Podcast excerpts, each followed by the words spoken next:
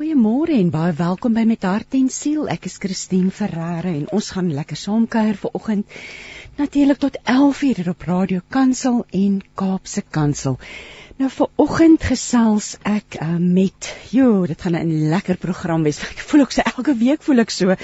Maar ons gaan gesels met 'n uh, bekende joernalis en TV-aanbieder Iver Price en sy medeskrywer Kobus Lourens oor hartstories van ons land se boere. So ek wil sommer sê ons dra vandag ons program op aan al ons boere en boervroue reg oor die land.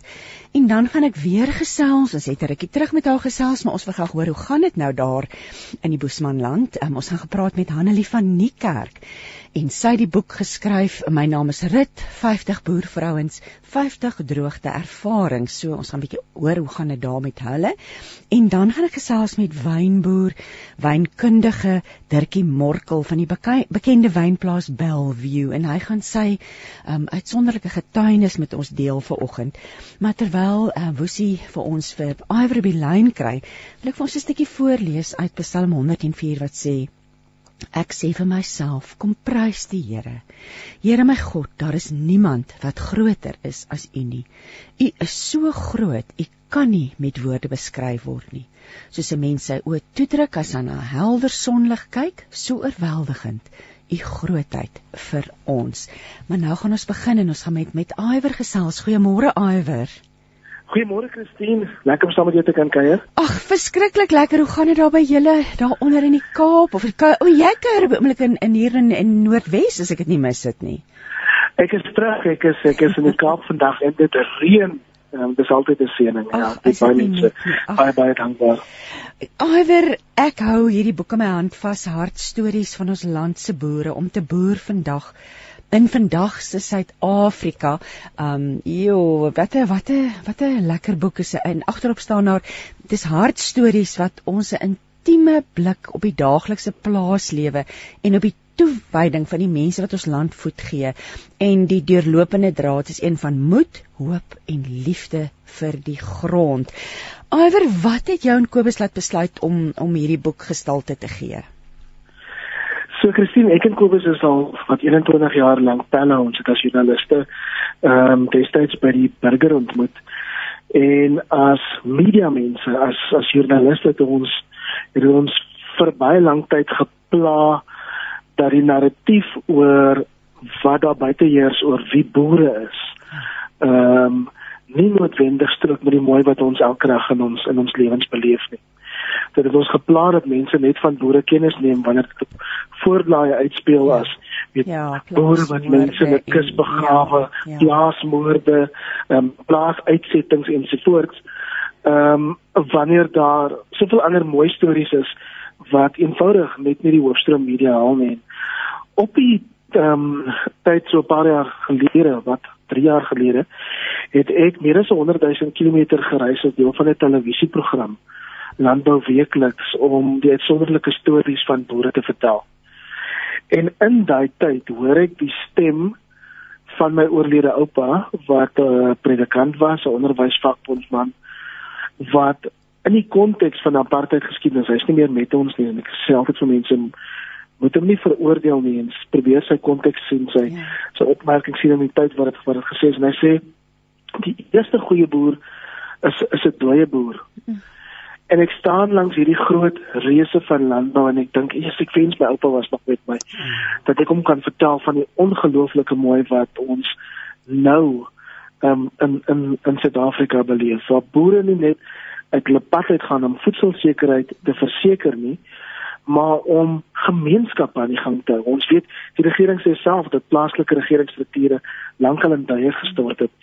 En hier kom ons boere in 'n pleklandse gemeenskap aan die lewe. Hulle bou skole, hulle bou klinieke waar in die staat letterlik nog net betaal vir die medisyne en dan daagliks nog laat op van die boere betaal vir die verpleegsters se salarisse. Hulle bou hospise wat ek met my eie oë gesien het hoe 'n boer sterwendes aan aan kanker en vigs se hande vashou in in hulle laaste oomblik hulle maak baie reg. En en dis die tipe hartstories van ons landse boere wat ons eenvoudig besluit het ons gaan nou nie deel wees van die probleem nie, maar hopelik deel wees van 'n oplossing en een daarvan was hartstories van ons land se boere. Ja, dis my ek ek het nou hier oopgemaak op 'n bladsy en dit is wat Philip Jonker, ek wil net sien waar jy weet nou presies seker van Bonnievale sê Ons planne en die politiek van die verlede het hoop by ons mense afgevat. Ons moet ons houdings verander, entoesiasme aanvuur en meer entrepreneurs skep. Vir so 'n taak steek ek my hand op. God se liefde vir die land, vir die kontinent het ek ook ek is op die ou end uit Afrika materiaal geskep. Dit hierdie boek vat in 'n mens se hart. Ek dit gee mens net soveel hoop om weet dis amper agter die skerm storie want stories wat nie almal het noodwendig die die TV-reekse met jou meegemaak nie. So hoe lekker dit 'n mens nou rustig kan gaan sit en hierdie en hierdie diep woorde jou eie kan maak nê en en en ja, maar kom ons praat 'n bietjie oor wat die boek alles behels. So dit dit so daar daar's letterlik 'n klomp stories wat julle wat julle weer ja, gee, ja. nê. Dis reg, daar's so 30 stories. Die meeste van hulle was nie op die op die TV reeks nie. Dis dis toevallig die weet die mense wat jy jy ehm weet Philip Jonker wanneer jy nou verwys is 'n besonderse wynmaker. dit is 'n interessante lewensreis. Hy het byvoorbeeld hier iewers in Afrika nonne geleer wyn maak. Ja. Jy weet organiese organiese wyn maak maar dis 'n man en ons ons praat nie eens daarvan in sy storie want hy hy hy plaas nie graag die kollig daarop nie. Wat op Bonnievale 'n uh, 'n uh, hyper multimiljoen rand skool gebou het omdat dit hom gepla het dat die plaaswerkers kinders en die boere se kinders van die omgewing nie behoorlike geriewe het waar hulle kan skool gaan nie. Dis die Jake Gerwel um, tegniese skool vernoem na Jake Gerwel die professor Jake Gerwel ja. op Bonnievale ehm um, wat behels die boek 'n persoonlike blik op op op wat landbou is ja. vandag in Suid-Afrika. Ja, ek sê graag wil hoor want jy was so blootgestel daaraan vir so lank gewees. So jy moes en natuurlik 'n joernalis is mos 'n waarnemer, mm. nê? So wat ja. sê jy? Wat sê jy vir ons daaroor? Wel, daar is soveel debatte wat elke dag in die media afspeel oor wat op 'n manier in landbou gekoppel word. Een daarvan is byvoorbeeld grondhervorming sonder onteiening. Mm en die narratief is dat ons hier van boere se plase praat maar eintlik raak dit elkeen van ons enigiemand wat 'n wat 'n huis besit. Ehm um, so ons het dit besluit om boere se perspektiewe op 'n klomp kwessies te kry van die brandpunte um, politieke brandpunte van van die dag. In Suid-Afrika ehm um, het ons 'n manier om graag oor boere te praat en hopeloos te min met met boere. En die een ding wat wat ons geleer het is dat hierdie gronddebatte wat ons in Suid-Afrika sien en dit wels morsig uitspeel op op sosiale media kanale en daar's niks so vieslik soos 'n Facebook geveg of 'n of 'n Twitter geveg. Ja, want jy weet jy ja. wat, dis dis vir my is dis lafhart. Dis lafhartig, nê. Nee, jy is nie bereid om Ja, ja. Skus so jy kan te luister nie. Jy weet, en ons besef dat hierdie debatte gaan eintlik oor waardigheid en en, en gelykheid.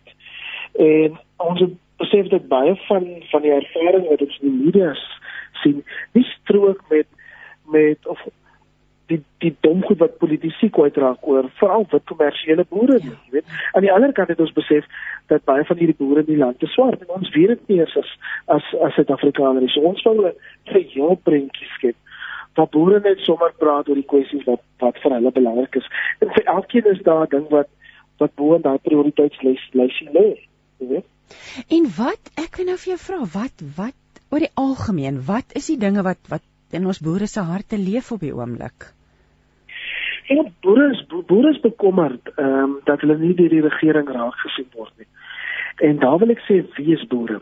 Jy weet, ehm um, as die as mens vir baie Suid-Afrikaners vra om hulle oë toe te maak en 'n boer ehm um, te verbeel, gaan baie vir jou sê hulle sien 'n wit Afrikaanse man en ek ken wonderlike wit Afrikaanse boere, man manlike boere wat wonderlike werk doen, maar daar's ook baie vroue boere. Jy weet, baie van hulle wit en vroulik en ook swart boere, boere van elke kleur en en geur. En maak nie saak waar jy hulle in die land kry nie, hulle het 'n vreeslike afhanklikheid aan God en die grond. Ah. Jy kan nie boer sonder sonder geloof nie. Ja.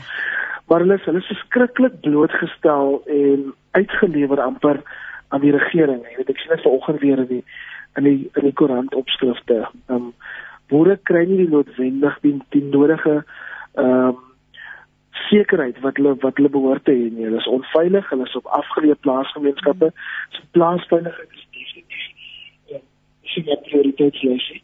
Maar hulle kry ehm um, nie voldoende steun van van die regering nie. Daar's daar was in die vorige bediening daar's byvoorbeeld 'n subsidies wat boere kan kan help om aan die lewe te bly. Jy weet, um, so so hulle sukkel. Mense sien noodwendig die groot infrastruktuur. Hulle sien vragmotors, hulle sien tonne maat kos wat gelewer word. Maar hulle besef nie die opofferings wat daar agter skuil nie. Ehm um, jy weet, so dis net twee van die kwessies wat wat wat boere ehm um, nogal pla, jy weet die dinge waar waar hulle ehm um, nagte lank wakker lê. Maar hulle hoofdoel is natuurlik voedselsekerheid. 'n Boer se doel is om kos vir vir al die mense van van die land te verseker. En dit pla ons geweldig vir my en Kobus skrywers van hierdie boek om te hoor hoe mense praat oor boere en dan dink ek sies weet jy nie waar jou kos vandaan kom nie. Ja. Besef jy nie dat 'n boer sy tyd en sy geld in die grond geplant het nie en hardwerkend, bitter bitter hardwerkende mense is, nê, wat wat baie hmm. opofferings maak. Kom ons praat 'n bietjie um, oor van die boere want hier's regtig soos jy gesê daar's 'n verskeidenheid. Ek's nou hierso by hoofstuk 3. Hulle sê hulle noem my die swart boer seun en dit is Sesiwe Tikana van Oos-London. Kom, wil jy nie vir so 'n paar van hierdie interessante karakters vir ons meer van vertel nou vir die interessante boere wat jy teëgekom het nie? Teëgekom het nie. Hier op die Kaapse vlakte ontmoet ons 'n boer met die naam van Waria Jappi op skaapkraal, 'n boer per toeval weet sy het nie groot geword as 'n boer nie, maar die lewe het haar in daai rigting gelei. En ehm um, ook 'n diep gelowige vrou, ehm um, saam saam met haar gesin. Ehm um, wat 'n wonderlike storie het om te vertel, maar die kaner daar van ons Londen se wêreld. Hy's 'n boerseun. As jy hom kyk, is hy so swart soos die nag. Hy's omtrent so donker soos ek. jy weet.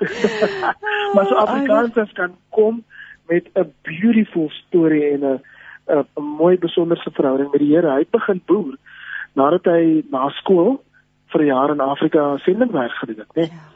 En die Here het vir hom gesê: "Sibiwe gaan huis toe en jy gaan 'n boer word." En hy hy's hy's 'n besonderse jong melk melkboer. Ehm um, woonde Dirks op Piketberg, dansend oor landerye, graan en rooibos. Uh, mm. Dis 'n opskrif van van van van Winnet se storie. 'n Plaaswerkerskind wat 'n meisie swanger gemaak het toe hy maar wat op standaard 7 was. En sy pa was ook 'n plaaswerker. En weet jy die Here het hom daar gehelp om hulle hele toekomstige bestaan van die Dirks familie net daar om te keer. En hoe hulle van plaaswerkers gegaan het tot kommersiële boere in in eie reg. Ehm um, wat op redelike groot skaal vandag boer en wat hulle hulle medeboere, hulle buurmense steeds sien nogal swaar op op daai Dirks familie. Dit ongelooflike ongelooflike storie. Kosie van Seil, ehm uh, boer op Lapier. Dit is 'n Kosie en sy sy vrou um, baie baie lief. Weet jy Kosie, buiten dat hy 'n besonderse boer is, hy het altyd met die plaaswerkers kinders gespeel. En hulle het vir mekaar gesê, "Vertel die plaaswerkers kinders vir my." Toe Kosie nie by was nie. Kosie het altyd gesê, "Eendag as ons groot is, gaan ons nie meer vir ons paas hoef te boer nie." En toe Kosie se se pa nou in sterf en Kosie begin boer, het hy die voormalige plaaswerkersvriende ingetrek en hulle meer bemagtig dat hulle eintlik groter boere is as Kosie vandag. Maar weet wat is die mooi storie van daai van selfs van Apier? Dis letterlik 'n plek waar plaaswerkers nie noodwendig van hulle plaas maar uit die gemeenskap uit hulle babas by die plaas laat kom neersit wanneer hulle nie meer vir hulle kan sorg nie. Dan word Kosie se vrou in die oggend wakker en daar's 'n nuwe kind wat hulle soos hulle eie aanvaar en en grootmaak, een van hulle aangenome kinders byvoorbeeld. Boere het ongelooflike groot harte en ja, dis wel net die tipe tipe stories wat ons lê vir die mense moet moet van van kennis neem. Dis net nou so baie daarby. Jo, Iver, ek ek kyk nou hierse ook.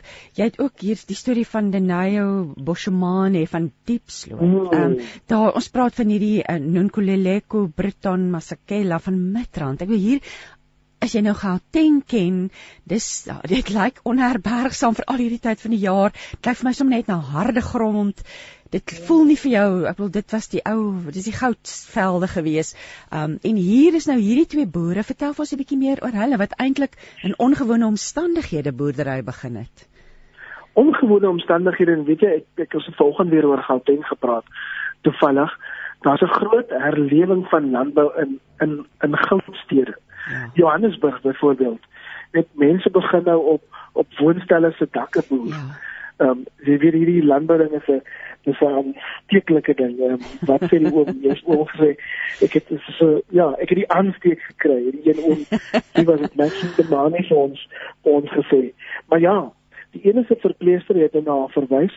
Ehm uh, uh 'n voormalige verpleegster wat wat toe besluit het ook na na O, jy het 'n bietjie weggeraak, ekskuus, Iwer. Ekskuus, jammer, ek kan nie meer hoor. Ja, nou kan ek jou hoor.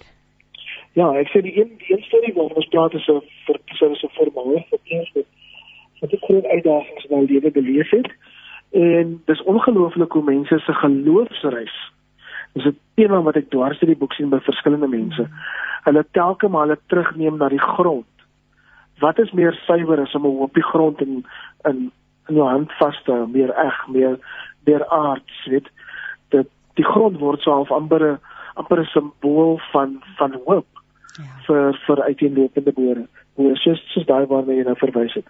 En natuurlik nou in die, in die tydens die pandemie, ons leef in sulke onsekere tye dat Ek mm. dink daardie koneksie, ek, ek want mense sien dit regtig in veral in Johannesburg en Pretoria winkeltjies wat begin weet hulle verkoop van die boer direk van die boer. Hulle gaan kry die groente direk daar. Hulle daar's 'n hele vlaag van hierdie winkels en ek dink dit voel vir my dit nou veral dit het na vore gekom. Ek neem aan dit het te maak met hierdie hierdie verlange na die grond wat ons eintlik maar almal het, nê. Nee. Ja, die verlange na die grond, maar ook die realiteit en die en die besef dat daar dat daar boere rondom ons uh, ons is wat hulle bes probeer. Ons het nou vanoggend op ons platform Food for Mzansi berig waar die jongste navorsing wat dat wys dat weens die COVID pandemie het boere reg oor die vasteland 80% van hulle inkomste verloor. 80% ja. wat uitgewis is binne 'n jaar. Maar die mooi is dat mense nou begin soek na die boere in hulle omgewing. Weet waar kan ek vars tomaties kry en eie elke dag naby my? Is daar 'n slagter wat ek weer soos in die ou dae kan ondersteun wat sy boer wat sy sy vleis kry van 'n boer in in in in my omgewing? Weet dat mense begin meer slimmer, doelbewuste besluite maak oor waar hulle kos ehm um, kos vandaan kom en dis die tipe dinge wat wat ons nogal inspireer en dat mense anders begin kyk na boere. Jy weet ek sien dit op plaas maar oor oor naweke waar boer kom en en van sy vars vrugte en, en groente kom kom uitstal en hmm. dis goedkoper as wat jy in 'n winkel kan kry. Jy weet. Ehm um, wonderlik. En ondersteun die mense op daai manier. Iwer hierdie boek en hierdie reis en hierdie tyd wat jy so saam met die boere deurgebring het, wat dit persoonlik vir jou beteken? Watter lesse het jy jou eie gemaak na afloop van al hierdie kontak met die boere?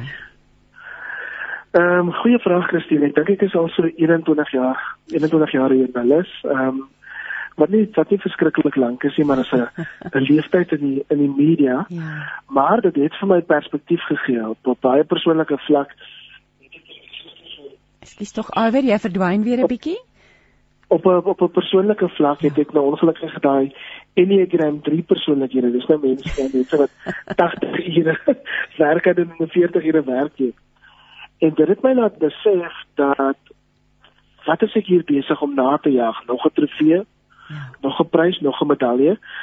En 'n totale omkeer in my eie lewe, ehm um, vir bewerkstellig waar ek glo dat ek toenemend in diens van van mense staan. Dat ek my my werk as 'n skrywer en 'n joernalis gebruik om eerder ander mense op te hef en hulle stories te vertel. Maar saam met dit om om vir hulle geleenthede oop te maak en te sê, hoorie, ek het nou jou storie vertel, maar weet jy op hierdie plek is daar hierdie persoon wat jou met dit kan help. Jy weet dat dat dat ek eerder 'n werktuig word as as as net 'n storie. Ja. Skielik tog, jou sit jy weer 'n bietjie verloor, Iwer?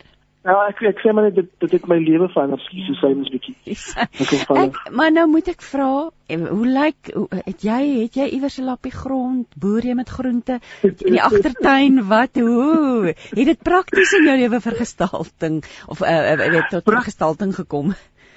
Ek is ek is bevoorreg dat ek um, hier in die Parel, ons baie oulike entrepreneursdiens wat elke Vrydag ehm um, ag verspot goedkoop vars groente en vrugte aflewer wat ek nou nogal ondersteun want dit gee werk aan 11 verskillende boere. So ek is nou op daai netwerk ingeskakel. Maar ek droom van 'n lappie grond, jy hmm. weet. Ehm um, wat ek wel besef het. Suid-Afrikaners het 'n baie glansryke idee van boerdery en hulle besef nie dat dit 'n dag en nag werk is nie. Dit is een van die moeilikste dinge wat jy op aarde kan doen om te boer. Maar ek droom van 'n van 'n stukkie grond en um, ek is juis op die oomblik besig met 'n familielid om te kyk hoe kan ons op 'n baie klein skaal iets probeer regkry. Ek is dan omring deur 'n klomp mentors wat kan raad gee.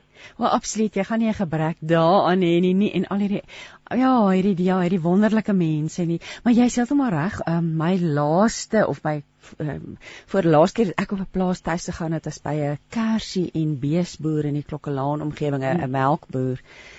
En daar word nie gerus nie, nê, nee, die vroeg. Nee, nee, nee. nee dan begin daai masjiene dreun vroeg vroeg al om die koeie te melk en as die oes, as die windjie verkeerd waai, weet nie genoeg sneeu in Lesotho nie, dan is die kersie oes daarmee heen en dan wat maak hulle, nê? Dis al my dit was vir my 'n fisieke interessante ervaring. Mens besef nie. Ons is nou, ons is nou hierdie amper Bybelse springkantplaag wat nou reg oor Afrika ja verwoesting saai in drie van ons provinsies ook, jy weet. Boere is uitgelewer en mense hulle dink daar staan 'n ding nou. Gebeur daar iets, dan kom die natuur verby, jy weet. Dis hoekom hulle so diep gelowige mense is. Ja, en ek gaan nou ek wil vir ons nou afsluit. Um, ek gaan vir ons ek, juis 'n stukkie, dis 'n stukkie sommer 'n stukkie lees, 'n kort stukkie wat ehm um, Werner Dirks gereeds gesê die die persoon van Piketberg wat net wonderlike stukkie uit Habakuk 3 vers 17 tot 19. Hy sê ek begin elke dag met skriflesing aan my werknemers en so deel ek ook met hulle die goeie nuus van ons Heer. En Habakuk 3 vers 17 tot 19 is een van die skrifgedeeltes wat ek graag deel en wat my ook die meeste moed gee. Hy sê al al as boere leef ons dikwels op gebede. Ons bid gereeld. En dan sit natuurlik die skrif wat sê al sou die vyeboom nie bot nie en daar geen druiwe aan die wingerd wees nie, al sou die olyfoes misluk en die lande geen oes lewer nie, al daar sal daar geen kleinvee in die kampe meer wees nie en die beeskrale sonder beeste wees. Nogtans sal ek in die Here jubel, sal ek juig in God my redder. Die Here my God gee vir my krag en hy maak my voete soos die van 'n ribbok op hoë plekke laat hy my veilig loop. En dan sê hy natuurlik, maar deesdae raak dit ook al hoe moeiliker. Die vyand staan weer voor my deur en die keer is hulle met mening hier. So dit is uh, ja, nee, die die boer, die boer leef na in die grond, maak na aan na aan sy God, nê. Nee. Mm. En soos dit daar opgesom het, nogtans sal ek jubel. Dis dis mense wat regtig hulle werk met met met met oorgawe en blydskap aanpak ten spyte van alles. Kom ons laai Isel, hy is nou Mandy wat vir ons 'n boodskap stuur. Ek sien dit is bietjie stil hier op ons WhatsApp. Ek weet nie wat met ons um um tegnologie vanoggend aan die gang is nie, maar sy het via Facebook gesê: "Môre Christine en Iwer. Al wat ek wil sê is geen boere, geen toekoms en dan is ons in Tamatie-straat. Jesus liefde aan julle almal Mandy." Dis waar, nê? Geen boere, geen toekoms. Ja, oh. Dis waar. Laaste gedagtes van jou kant af Iwer? Ag dit is dis binne die gebed van my hart dat mense met groter waardering en respek vir vir al ons boere sal ehm um, wel sal sal hê om om as jy 'n tafelgebed doen en jy sê seën die hande wat dit voorberei het hmm. dink vir 'n oomblik wie is daai hande 'n lang ketting van hande ehm um, van die boer tot die plaaswerker tot die mense wat dit verpak die trokke bestuur weet tot dit uiteindelik as 'n steek op jou tafel op jou tafel beland ja ehm um, dink net vir 'n oomblik wie is wie is daai hande? Ja. Jy is ingeskakel op Radio Kansel 657 AM en 729 Kaapse Kansel. En jy luister na met hart en siel. Um, ons kry tog WhatsApp, so ek wil asseblief nooi stuur vir ons op WhatsApp as jy vanoggend wil saamgesels 0826572729.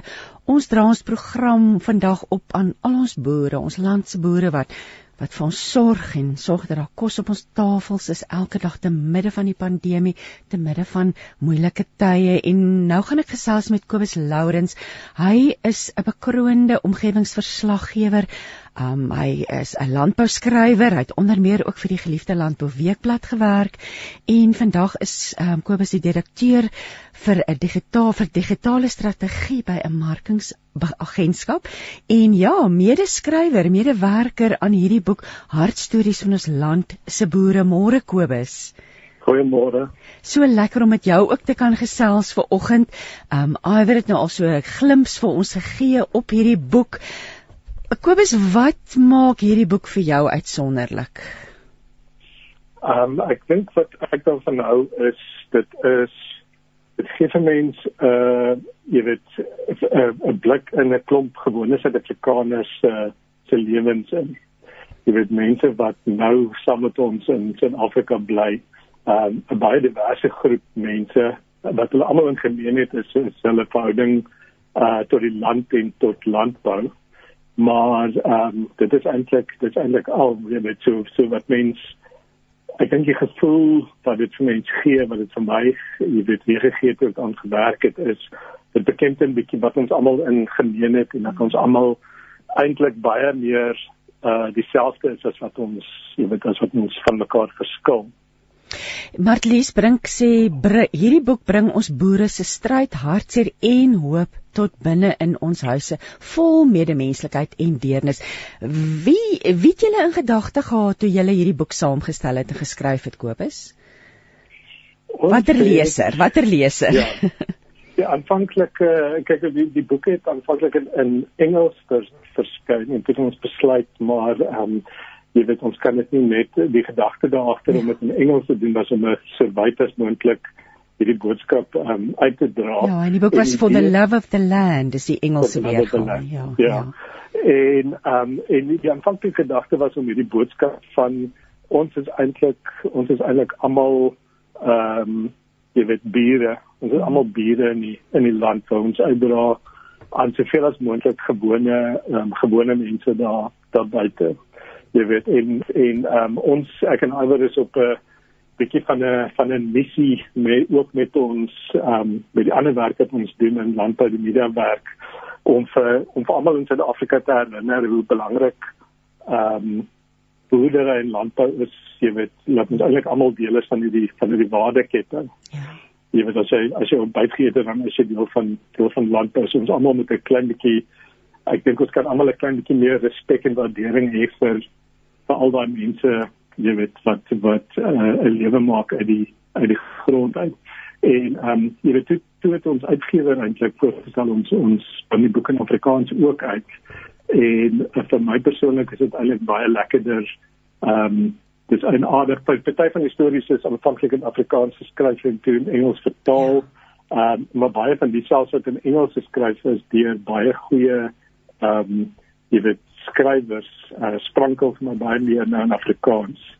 So ek dink die idee was om om daai om dit eintlik 'n bietjie tuis te bring. Jy weet daai boodskap dat ons is almal ons is almal baie hier ons is diverse klomp mense by mekaar eintlik ons het ehm um, so baie meer in gemeen as wat ons van mekaar verskil en ehm um, jy weet ons ons almal staan met ons voete in die grond selfs al is dit nie ons self wat wat ehm um, die goed verbou of die Die woord die woord hartstories gee dit eintlik alles weg, nê, nee? want dit is dit is amper essays, persoonlike kort persoonlike vertellinge deur 'n absolute verskeidenheid van boere en hulle maak ja. hulle harte oop. Daar ek merk die eerlikheid, ehm um, weet van die ja. mense wat skryf. Hulle deel werklik hartstories. Nou Iwer het so een of twee boere uitgelig. Wie staan vir jou uit in hierdie boek of wie wie kom nou wie met weet wie kom sommer nou na jou gedagtes? So as jy as jy nou dink aan hierdie boere oor wie jy gele geskryf het. Ek het drie gunsteling stories in die boek wat ehm um, te doen het met ehm um, ek dink die mense wie se stories dit is. En ehm um, eerste is Maxim Damani. Hy is daar van van Richmond. Hy is 'n baie baie baie klein skaal boer Richmond daar in die, in Karoo. Ja. ehm ja. um, en um, hy sê hy's 'n baie klein skaal boer. Um, ek het self sy storie geskryf ek het hom gaan kuier daar en sê jy weet hy bly in so 'n uh, dit was 'n ou ramhok um, wat hy omgeskep het in 'n huis vir hom en sy vrou en sy en sy dogter. En wat net ongelooflik is van hom is jy weet sy vertel sy hele storie van waar sy pa daar in die Noord-Kaap aangekom het as 'n uh, so tipe van 'n trekarbeider en hoe hy homself in die lewe opgewerk het. Ehm um, jy weet sy pa ook en dan telkens aan met hulle sou weer van voor af begin want daar was nie eintlik 'n uh, plek vir hulle in die in die wêreld nie, jy weet. En ehm um, tot 'n dag val om Max ek dink hy's in sy 70s is hy nog altyd aan die bou. Jy weet en hy's net uh dis 'n baie inspirerende storie vir my. En dan ehm um, Alfreda Marsie van Reesburg in die, in die Weskaap. Sy het ook 'n uh, storie wat generasies teruggaan. Jy weet sy sy sê ten minste 'n vierde generasie boer en hoe sy wat vir my die mooiste is van haar storie is hoe sy op 'n dag ehm um, weet sy sy, sy, sy het 'n bietjie een kant toe gestoot want sy was die eerste boer ehm um, nie wit boer wat in in haar streek 'n uh, plaaslike regering gekry het. En dit is nou nog 'n vrou 'n vrou ook. So haar bure was baie jy weet afsydig teenoor haar. En toe op 'n dag te besluit sy maar ehm um, jy weet sy het hulle hulp nodig en sy jy weet sy hoor hier. Sy 'n vierde generasie boer. Sy sy sy ken die landbou en sy stap die stap nie sy ry oor na een van haar bure wat redelik onbeskof met haar was in daai stadium.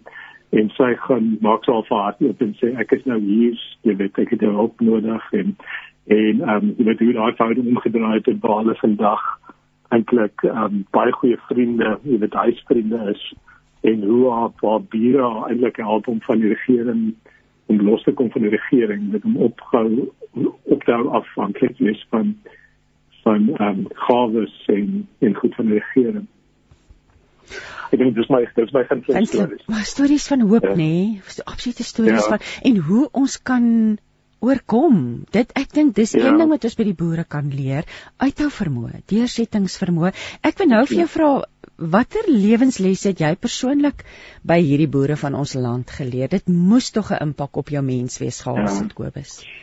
Dit het 'n groot impak. Ehm um, jy weet ek en Iwer is albei buitestanders in die landbou. Ek het nou wel so jare wat by landbouwerkplek gewerk, maar dit is nooit deel deel van die landbou nie. Dit behalwe al as Afrikaanse persoon voel mens mos so al deel van die land. Ek weet dit almal so voel nie. ja, maar as jy Dis eintlik waar nê. Nee. ja, ek ek sê altyd as as as ek al die woord van die kerk nou van sien my pa en sien ja. my ma. My oom met sy plaas in Afrika dan kry ek so op hoenders, hoenders uit Philip ja of dit met my gaan vir my nie. Maar ja, um, ja so so maar wat wat ek beslis geleer het is net hoe en baie aanklank by vind is ehm um, die daar so 'n uh, optim, optimisme en 'n realisme in landbouers. Ja, weet ek dink dit is hoop en is geloof op 'n manier ehm um, van ek wou sê daaraan dink ons het gister met 'n vrou se storie gelees op ehm um, Food Films aansien wat sê dat ehm um, jy weet sy sy het geld geleen om a, om haar plaas mee te begin en sy het iets soos 'n half miljoen rand in saad en goed sit sy in die grond in gesit. Hmm. En dan hoop en bid jy en jy doen jy sorg so goed daarvoor as wat jy kan en dan as jy alles reg is en jy weet dinge werk vir goed uit dan kry jy meer as 'n half miljoen rand terug jy weet as as 'n duisend goed in plek val en ja, sure. reg uitgewerk. Ja, jy weet so so, so daar's hierdie daar's jy weet uh, die, die boere is kaptein nogal kort af en ongeduldig en reguit wees, maar hulle vat nie jy weet hulle het tyd vir dit is speletjies. Nonsens. en um, maar maar onder dit alles is dit uh, jy weet as as iemand in die moeilikheid is, is dan steek hulle hulle hand hulle hand uit. Jy weet. O, oh, hier's nou 'n luisteraar wat vir ons sê, ehm um, kom ek luister gou hierso. Hy sê ons is ook afgetrede boere. Hy sê wil nie die plaas verlaat nie want waarheen? Nou maak ons 'n inkomste deur staalwerk te doen. Dit gaan moeilik. Ons is al oud, maar opgee as boer sal ons nooit. Ons verhuur die grond, so bly nog deel van die boerdery. Glo nie mense die besef die impak daarvan om 'n boer te wees nie. Dit hou jou op jou knie en dan sê Tanya, "Thank you Lord, you our God for all the farmers that provide food. Thank you Lord for your blessings and provisions." Jy en Iwer het nou verwys na Food for Mzansi. Ek dink jy moet vir ons ietsie daarvan vertel asseblief, um Kobus. Ja, Food for Mzansi is 'n is 'n so 'n landbou nuuswet wat ons 3 jaar gelede begin het. Um aanvanklik was dit net vir jy weet on, ons wou al vir die boodskap versprei van uh onthou 'n bietjie jy weet jou kos jou kos word die uh, kom jy uit die supermark uit jy weet daar's 'n klomp mense voor dit ehm um, jy weet wat jy voor dankbaar moet wees en vir wie ons moet sorg as 'n as 'n land, jy weet, om om te verseker dat ons almal genoeg het om te eet en so aan. En in in daai proses het ons 'n klomp van die nuwe boere het eintlik ons aangeneem half jy weet mense wat nou begin in landbou of wat ehm um, bestaanboere was tot dusver en en wat nou jy weet die strewe het om om groter te boer en, en dis natuurlik ook die mense wat die regering baie aandag aan spandeer om hulle te te help om lewensvatbaar kry en so. En ehm um, so ons het ons publiseer elke dag 'n klomp stories stories van hoop, stories van mense wat ehm um, wat uit opstaan elke dag en iets doen, jy weet aan hulle eie lot eerder as om ja. as om te wag om gehelp te word. En dan ook ehm um, soort van tegniese inligting stories vir om om kleiner skaal boere en partykeer ook groter skaal boere te help om om 'n meer soort van lewensvatbare en winsgewend te boer.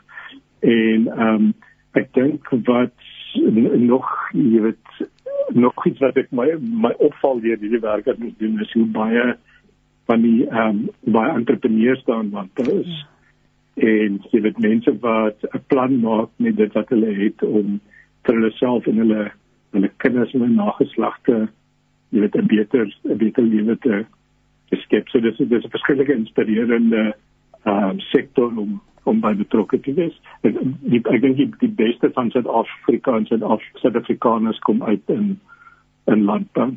En ek dink weet jy ek dink dit is amper vir ons almal nodig om hierdie boek op te tel en te lees en onsself net weer te vergewis van hoe lyk dit daar buite.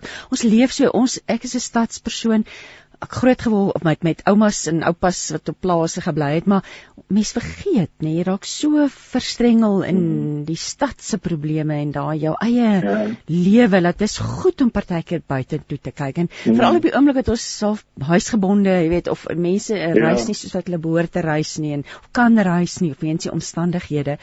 Um ek wil nou vir jou vra, julle dis my fisiek mooi, julle verwys, julle gebruik die woord landbouhelde. Hoe het julle op hierdie woord um afgekom? Gekom en besluit wat vertel vir ons so 'n bietjie meer Ek weet nie of Iwer al sy storie vertel het van hoe hy ehm um, die TV program aangebied het. Hy hy daarna verwys, ja, hy het ja. dan net verwys dat hy dit ja, die program wat hy aangebied het, ja. Ja.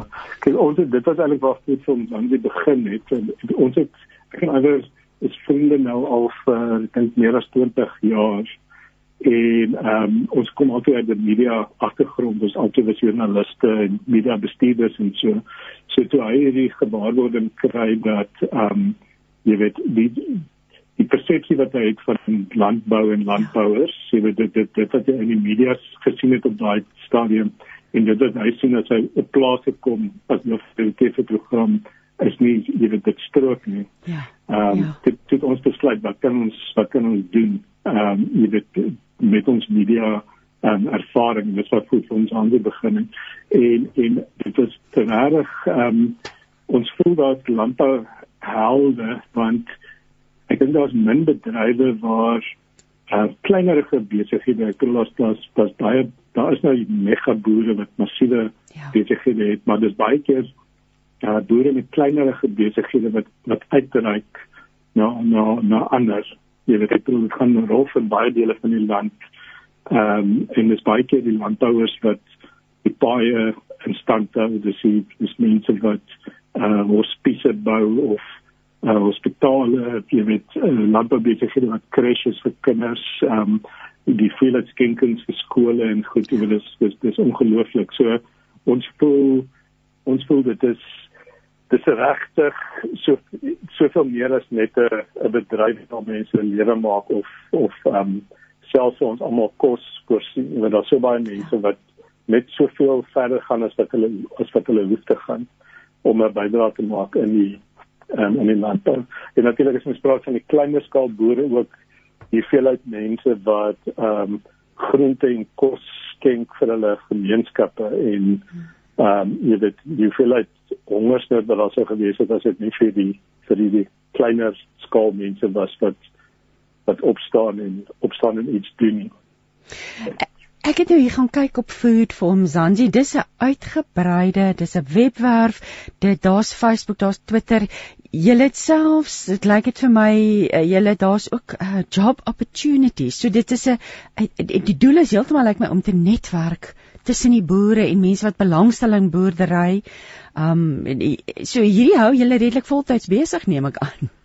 Ja, nee, dit is uh, dit is eintlik meer as 'n voltyd meer as 'n voltydse bedryf. Ehm um, ja, ons het kyk ons het ehm um, ons het ook byvoorbeeld dit is ons ons ons missie is om mense bewus te maak van van landbou ja. en ook van die geleenthede wat die landbou bied. Jy weet mense is geneig om om te dink aan landbou as jy is of 'n boer of jy is 'n werker. Jy weet jy, jy besit of of jy nou op 'n bakkie agter op 'n bakkie. Ja. Maar uh, jy weet wat wat ons probeer vir mense bewus maak is daar soveel ander ehm um, loopbaangeleenthede ehm um, in die land. Jy weet as jy on, ons ons sit ehm um, ons gaan na skole toe byvoorbeeld, deel van ons ehm um, uh, wat ons in agri careers ehm um, road show ehm um, en jy weet daar vertel ons vir kinders ehm um, jy weet wat op die ouderdom is waar hulle nou vakkeuses moet maak en so ehm um, dat maak se taal of ehm um, syfers of wetenskap of ehm um, jy weet wat nou ook al jou ding is, ehm um, moenie vergeet van landbou as 'n plek waar ehm um, 'n groeiende sektor, jy weet ek bedoel ons ons, ons almal ja. weet ehm um, ek dink voedselsekerheid gaan net toenemend eh uh, ehm um, 'n kwessie word en 'n kwessie bly en ook hoe om ehm um, jy weet voedsel te verbou wat nie uh met 'n ligte klimaat impak en en al die tipe van van goed jy weet daar's 'n daar's 'n toekoms in landbou en ehm um, ons probeer kinders um, opgewonde daaroor maak en ehm um, jy weet meer talentvolle mense in die in die bedryf in kry sodat dit kan kan floreer.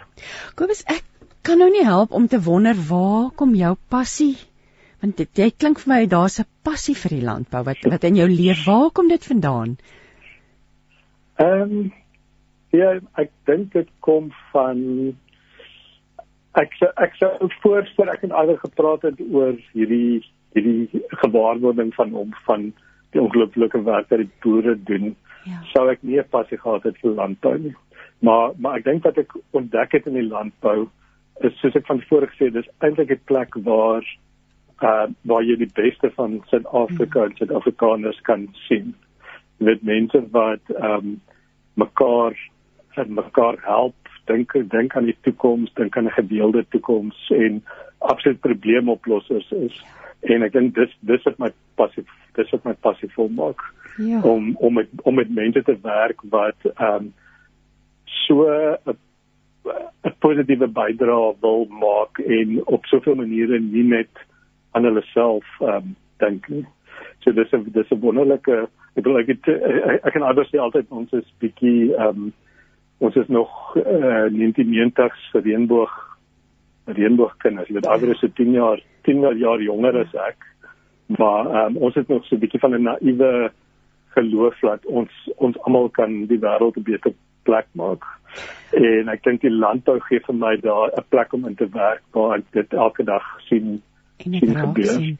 Dis so interessant. Ja. Ek blaai net hier deur. Ek soek my selfoon en, en ek sien hierso 'n artikel Ma Pizzo's Food Garden makes safe space for for kids.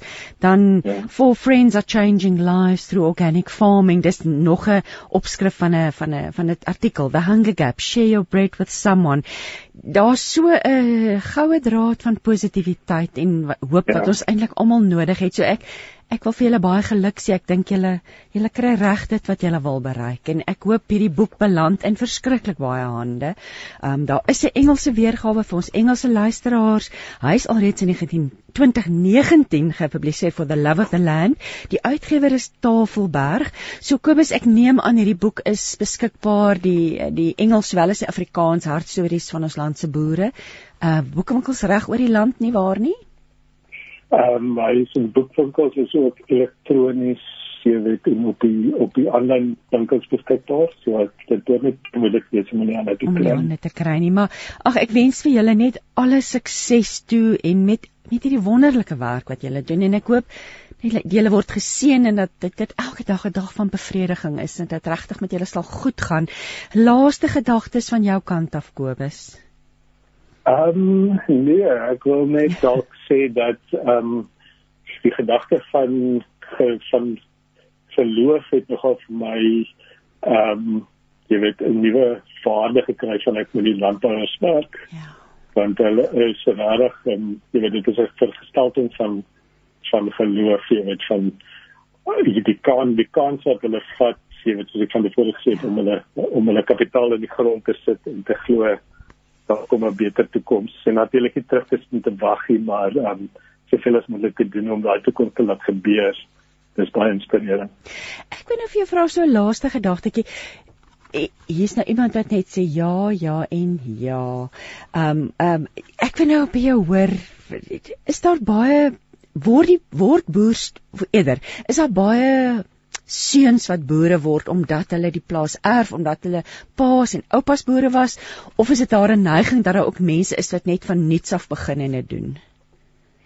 Daar's verskeie baie mense wat van niks af begin, jy weet van van alle bevolkingsgroepe groepe in 'n baie diverse um agtergrond en daar's ook baie um swart mense wat uit landbou skole byvoorbeeld kom of wat op landbou colleges gaan studeer ehm um, wat nie tussen die bedryf ehm um, en as ook die interessante ding dat baie vroue wat ehm um, ja. begin met ons ons sê ons sê dat ehm um, jy weet oor 10 jaar gaan die deursnit vrou ag deursnit boere vrou wees jy weet mens vrou vrouens ja. wat miskien derde derde ja. generasie ja. kinders ja. is wat ek dink in die verlede dalk nie sou selfgebore het nie wat nou wat nou selfboer dit maak dit net so ja. interessant en en, en regtig die toekoms die toekoms lyk like, die toekoms lyk like eintlik blink nê nee.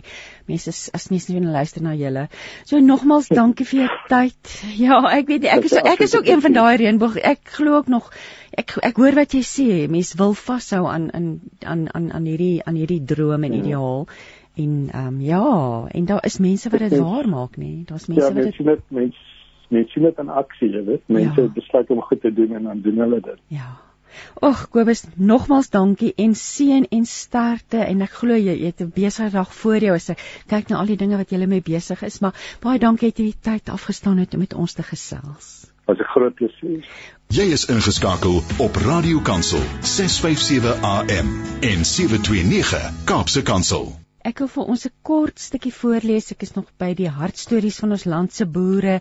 Ehm um, en dit is geskryf deur Henk Harmse van Bultfontein en hy skryf 'n brief aan sy seun. Henk self is hy skryf hier ek is nou 29, maar ek wil 'n klein stukkie daaruit voorlees wat voorlees wat my hart so aangeraak het. Hy sê dan aan sy seun. Ek hoop en bid en vertrou dat jy ook eendag die voorreg sal beleef om die aarde te bewerk om voedsel daarop te oes net soos jou grootoupas jou oupa en ek gedoen het om 'n beter toekoms te bou nie net vir jouself nie maar ook vir almal wat langs jou werk en leef gewapen met die knipmes van kennis en 'n vrygewige hart wat meer as net homself wil help. Jy is die toekoms van ons land en van die wêreld maak die verskil wat ons nodig het want dit is jou godgegewe roeping glo in hom vertrou en wees opreg jou houding teenoor teenoor O, oh, daar mis ek 'n bladsy. Jou houding teenoor enige uitdaging sal die toekoms bepaal. Jou drome en ideale is daarom nie nutteloos nie. Dit is hy wat jy op jou naam noem met liefde jou pa Henk en dit kom uit hartstories van ons land se boere. Hier vra Sari nou ek moet nie die boek se naam herhaal. Sari die boek se naam is Hartstories van ons land se boere. Dit is geskryf deur Iver Price en Kobus Lourens en dit word uitgegee deur Tafelberg. Die boek is ook in Engels beskikbaar um, en en die en die titel daarvan is For the Love of the Land. Ons het 'n paar boodskappe hier gehad. Ek wil gou kyk wat sê Dries het vir ons 'n boodskap gestuur drie skreeu van Palaborwa. Hy sê die broodrollie lorry bring die brood 9 uur na ons toe. Hy sê ek wil elke boer aan God opdra, die man wat in sy agterplaas pompoene oes en ook die boer wat op groot skaal oes. Daar sê. En nou is dit tyd om te gesels met Hanelie van Niekerk. Um, Hanelie se boek is my naam is Rut.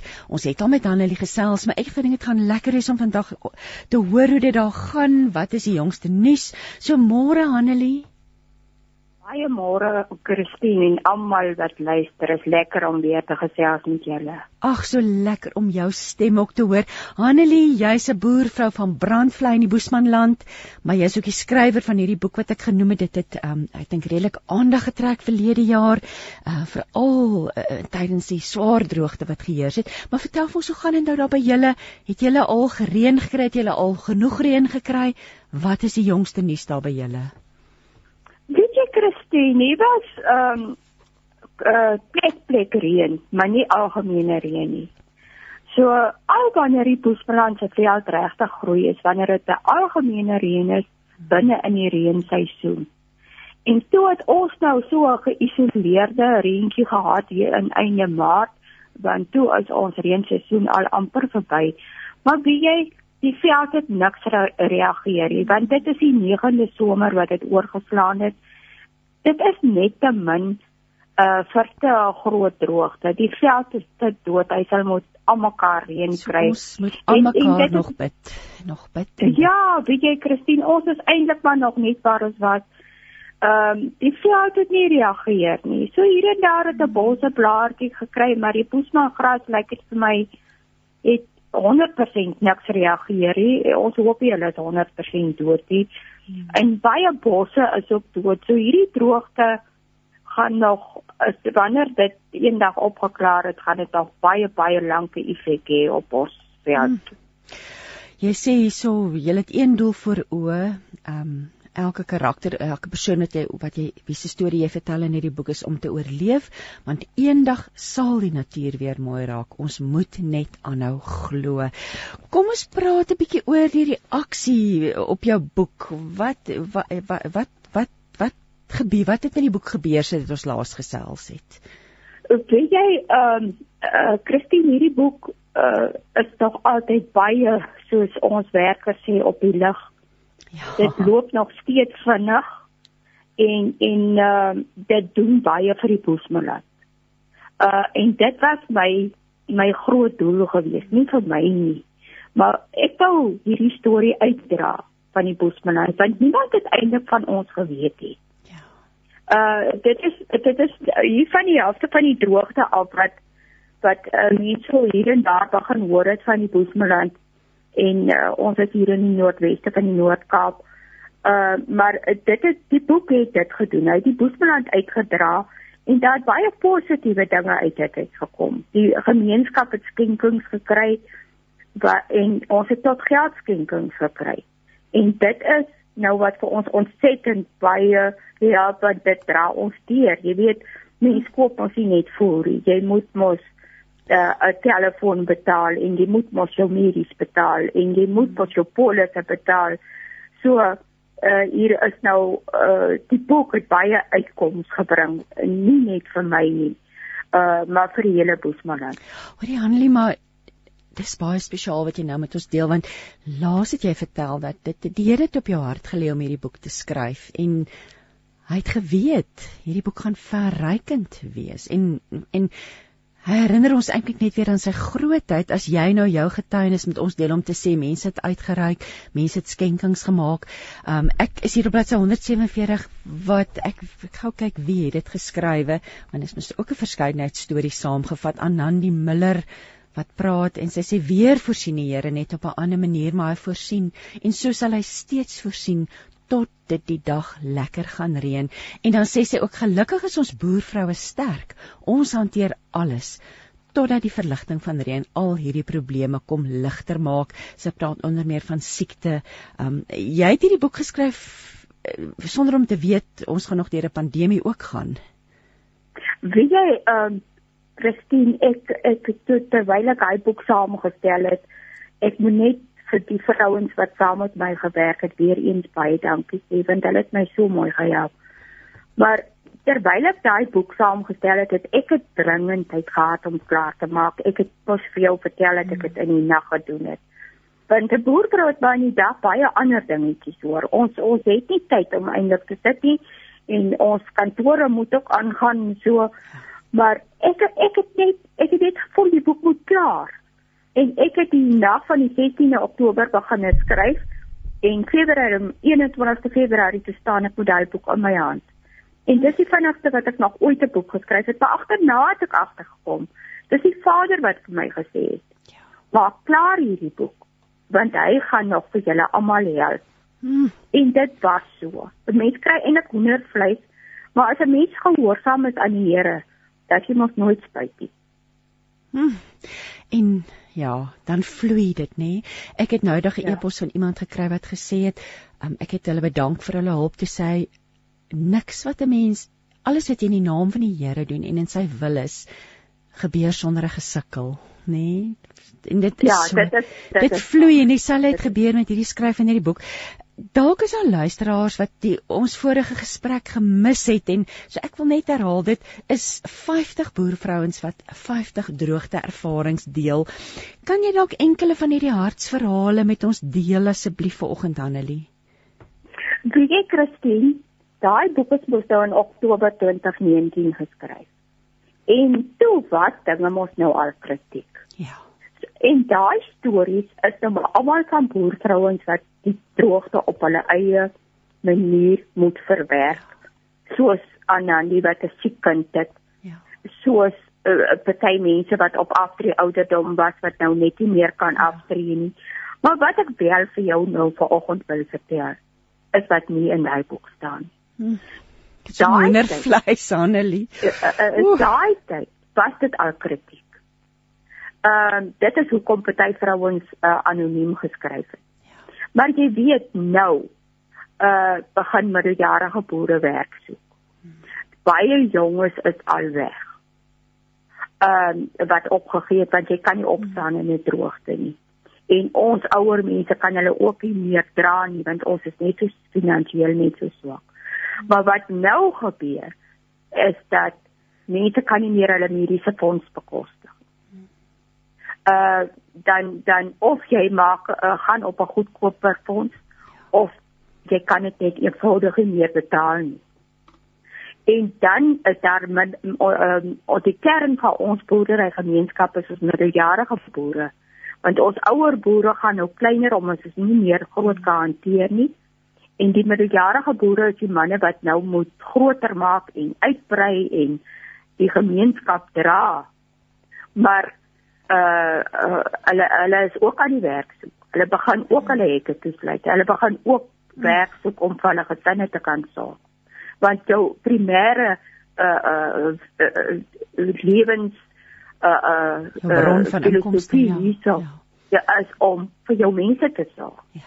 En jy weet, dit is verskriklik. Jy sien die boere suffer. Weet jy as ons nou so voer uitdeel, eers was dit 'n vreeslike gelukkige en 'n 'n vrolike besigheid wat die stasie boere doodste. Hmm. Dit is of daar so 'n somberheid oor hulle hang. En jy weet uh uh dit is verskriklik. Uh as as 'n besigheid so uh ontvolk. Uh 'n professor van uh, Somerset West het in in 'n koerant geskryf op 'n artikel van my boek wat daar gewees het dat ons gaan die laaste geslag wees wat hier nog gaan boer. So wat word nou van 'n middeljarige boer? Hy moet maar net uitkyk en dit is dit is wat vir my die hartseerste van alles is. Want as ons middeljarige boere nou hier weggaan, dit dat dit klaar met die Bosmanland. Want hulle moet hulle moet verder gaan, hulle moet dit dra, hulle moet dit bou. En 'n mens se geloof, hoe bly julle want dit dit dit wil tog voorkom nê nee, en dit klink as mens luister na wat wat in die boek geskryf staan en nou met gepraat met Kobus en Aiwer ook oor hulle boek oor die hartstories van die boere dat geloof dikwels alles wat oorbly Habakuk nê nee, alles daar geen oes op die lande nie. Hoe bly hoe bly 'n mens staande? En sien ek Christine dis moeilik. Uh, veral nou dat dit uh, ons kon nie glo dat dit 'n negende somer oorslaan nie. Regtig ons kon dit nie glo nie. Ons het net geglo dit gaan hierdie somer reën. En dit het mos nou op die eind van die somer so 'n bietjie gereën, maar dit het geen impak gehad nie. Ja. Maar dit is moeilik gesien. Ja. Party dae dan dan beklei jy met die Here en sê Here, maar dit is mos darm nou maar genoeg. Ons kan nie meer nie. Ja. Of uh jy dink net wat gaan met my aan? Ek hou dit voel vir my ek hou vas aan 'n grashalmpie Of jy dink net, maar die Here is nie hierdie, wat gaan aan? Hoekom moet ons so suffer? Tot daar een oggend iets gebeur. Wat dit voel vir jou of die Here direk met jou praat. Ja. Jy weet, ehm um, dat jy net maar weet 'n kop op en jy weet maar die Vader is hier rondom jou. Jy moet nou maar net vasbyt.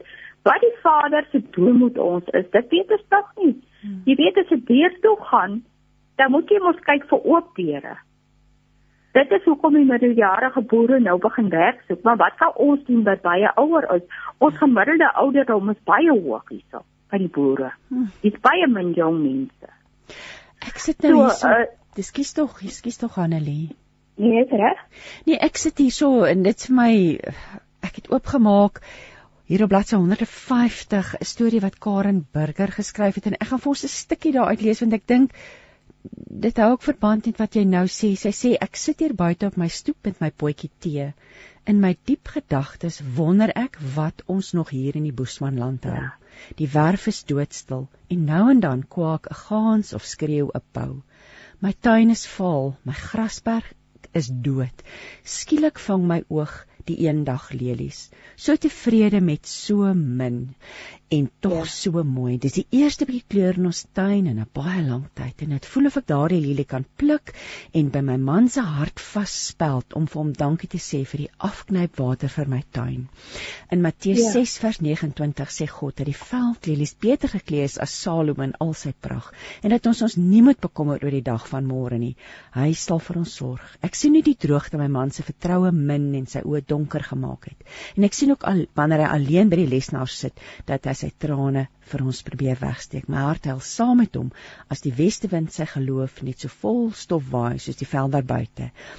En dan eindig en ek neem aan hierdie kommentaar aan die einde het jy by elke eh, die kommentaar gesit by elke storie? Ja ja ek het ek het uh, dit so 'n bietjie en ja is so mooi wat jy daar skryf. Ook jy sê daar elke boer vrou verwerk hierdie droogte op haar eie unieke manier. Karen stap met haar honde maak haar gedagtes en spiere los praat met die Here wat so brood nodig is waar anders sal ons krag vandaan kry vir die seer wat ons daagliks beleef. Diere wat ly en jou man wat se seer ook maar joune is. Jou tuin wat doop dood is Wie sal sulke seer verstaan? Die plaas het water, brood nodig. Ehm um, net God mag ons almal hierdie droogte oorleef en mag ons bly sterk staan in ons geloof tot die geel skuim waters onder die bosse deurloop. Wat kan ons luisteraars doen? Ek glo en vertrou dat ons moet bid. Bid vir julle, bly bid nê, nee, nê nee, Annelie. O Christine, wie jy vir reën en nogmaals reën. Ja. Want wie jy in in 'n uh, on TV onderhoud oud het Therese de Vries gesê die droogte maak van ons biederjaars. En wie jy ons voel baie daar so. Ja. Want ons is ons boesbelanders is mense wat vir onsself sorg. Ons sorg vir onsself, ons sorg vir ons kinders, ons ja. sorg vir ons werkers. Ons is nie gewoond dat ander mense vir ons sorg nie. Maar weet jy hoe dankbaar is ons dit? Ons ons moet dit 'n instelling maak om om te aanvaar daai hulp wat ons kry in die gees wat dit gegee is. Ja. En toe ons daaroor daai bout is, toe het dit met ons beter gegaan. So ek kan net vir die land wat vir ons so ondersteun en wat vir ons so help net sê dankie, dankie, dankie. En as iemand bid, bid asseblief vir reën, want dan kan ons self onderhoudend wees. Ons weet jy Christine net om daai magteloosheid, daai angs en en en die hartseer en die paniek in jou man se oë te sien. Ek kan nie vir jou sê wat dit aan 'n mens doen nie. Ehm uh, jy moet baie keer 'n bietjie eenkant kom net om so 'n paar trane te laat loop dat jy net 'n bietjie verligting kry vir al hierdie stres want die stres kom ons nou van alle kante af omdat dit van finansiëel is. Ja. En uh uh en jy jy sien die diere raak maar en jy weet wat gaan aan met jou bankrekening en met jou uh koöperatierekening. So, uh, dis magtelose gevoel, dis dis half paniek.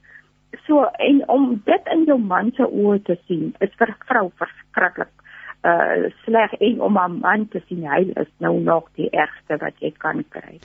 Nou Want hierdie manne, hulle wys nie sommer gevoelens hoor. Ja. Maar as hulle hy, dan moet jy weet, dit gaan sleg. Ja.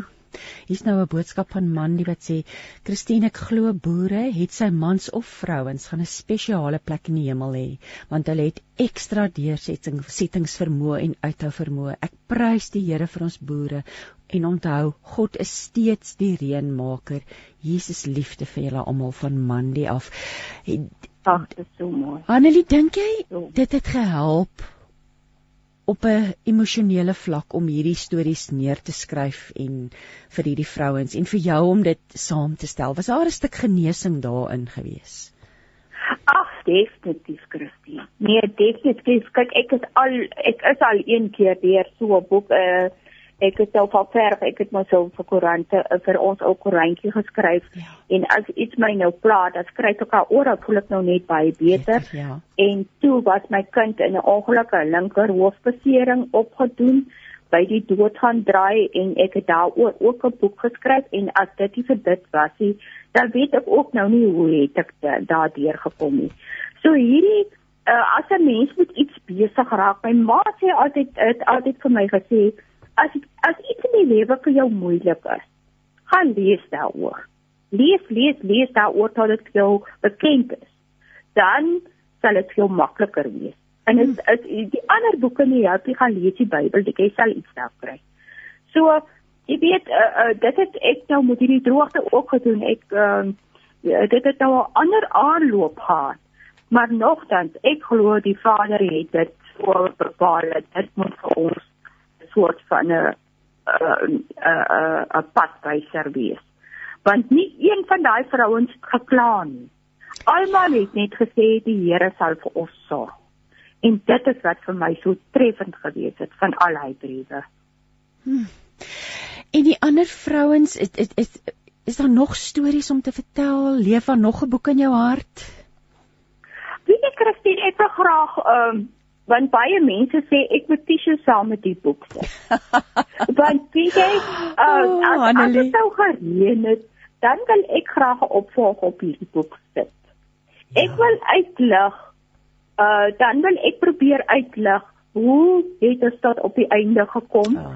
Ek kan amper nou al sê wat dit is, maar ek wil ander mense se opinie ook hê en ek wil graag 'n paar nuwe vrouens ook inbring en en ek wil graag 'n opvolg op hierdie droogteboek uh uh skryf in uh, in so 'n mate soos wat ek my kind se boek geskryf het dat 'n mens vir die Here dankie sê dat hy jou gedra het tot hier. Maar wat 'n wonderlike droom om om om eintlik vir jouself te altyd te visualiseer. Jy, jy daar gaan 'n boek wees waarin jy hierdie 50 vrouens die verhale van oorwinning gaan vertel en ja, ander vrouens ja. ook. Ja, ek wil nou vir jou vra ehm um, is is daar 'n is daar 'n die vrouens, kom julle bymekaar, praat julle met mekaar. Um hoe ondersteun julle mekaar daar in die gemeenskap op die oomblik? Maar die hierdie oukie wat nou hier so in die ronde is, um hy keer mos nou maar baie dinge. Maar as dit nou by mekaar kom, kyk ons het ons uh hou nie meer groot byeenkomste nie. Ons is ook mos nou maar net 'n paar. Maar uh ek onthou nou uh uh ons het een dag hier gemaak dit boerevereniging dis 'n uh, vroue diens dis 'n uh, 'n uh, damesvereniging ons soms so alles in een gedoen o jene daai dag het ons vir ons opgesê as hoor want die meeste van die mense kry uit die langklas gekry. Jy weet jy jy jy het langklas met hulle te doen gekry.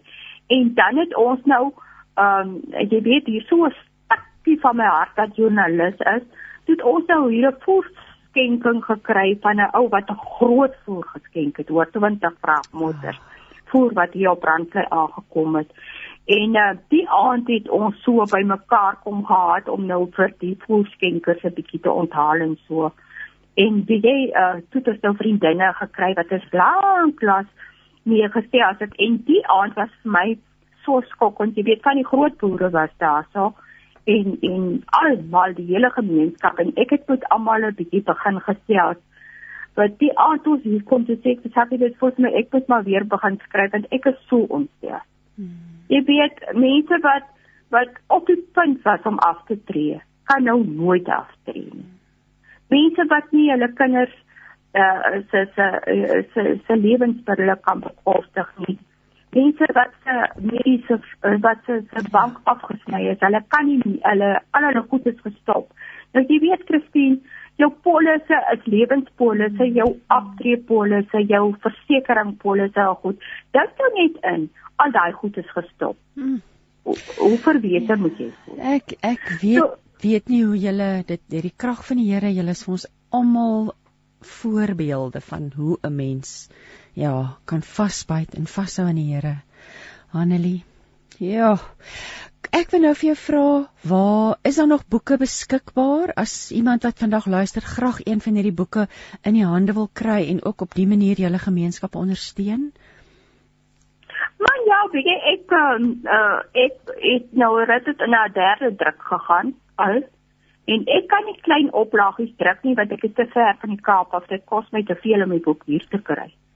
So, uh, ek het genoeg boeke uh die mense kan uh, my WhatsApp by my telefoonnommer. Ek weet nie of ek dit nou moet vir jou gee nie. Jy kan hom kom ons gee die nommer as iemand graag hierdie boek ehm um, in die hande wil kry. OK, my telefoonnommer is 073 190 8412. Ek herhaal net dis Hanelie van Niekerk, en die samesteller skrywer van die boek My naam is Rit, 50 boervrouens, 50 droogte ervarings. So stuur 'n WhatsApp 073 190 8412 en dan het Johanie 'n boodskap hier gestuur. Sy sê ek glo dis baie maklik om moedeloos te raak en kragteloos te voel, maar onthou dat Dawid voor in die linie gestaan het en die vyand het teen homself gekeer. Hou vas aan God se beloftes en prys hom te midde van God bly getrou. Hy was al 2000 jaar terug verby hierdie krisis en hy weet hoe en wanneer dit ook al sal eindig. So hou vas aan God se beloftes. 'n Pragtige boodskap van Johanie af. Hanelie, verskriklik dankie vir jou tyd. Ons gaan nou luister na musiek um, en um Bethel Music gaan vir ons sing Anchor. Ons bid vir julle Hanelie en ons dra elke boer wat wat in hierdie land en ook die boere wat onder die droogte gebuk gaan op aan die Vader. Kom ons luister baie nou. Daar sê baie baie dankie. Anchor van Bethel Music. Tata Hanelie, nogmaals dankie vir jou tyd vanoggend, hoor. Jy is ingeskakel op Radio Kansel 657 AM en 729 Kaapse Kansel. Hier is nou iemand vra wat weer vra waar kan sy die boek in die hande kry? Ehm um, jy kan vir Hanelie kontak. Nou het ek my papier hier se nommer ja 073 1908412 en Petra Smol het vir ons 'n boodskap vir Hanelie gestuur. Goeiemiddag Radio Kansel Hanelie. Ehm um, Ja, ek sit maar in die verkeer was gou journey vanoggend en ehm um, ek luister vir julle oor die radio en dis net genade wat jou daardeur dra. Genade wat jou deurdra deur ehm um, 'n dood van jou kind, ehm um, familielede wat jy verloor in hierdie tyd. Dis so moeilik. So ons kan net vir mekaar bid en sê Here, dankie, dankie, dankie. Blessings. Julle moet 'n awesome dag hê. Lief vir julle. Bye bye. Jy luister met hart en siel en ons gesels nou met 'n wynboukundige wynboer Dirkie Morkel van die plaas Bellview, die wynplaas Bellview. Môre Dirkie. Goeiemôre, praat ek met Christine. Jy praat nou met Christine Dirkie.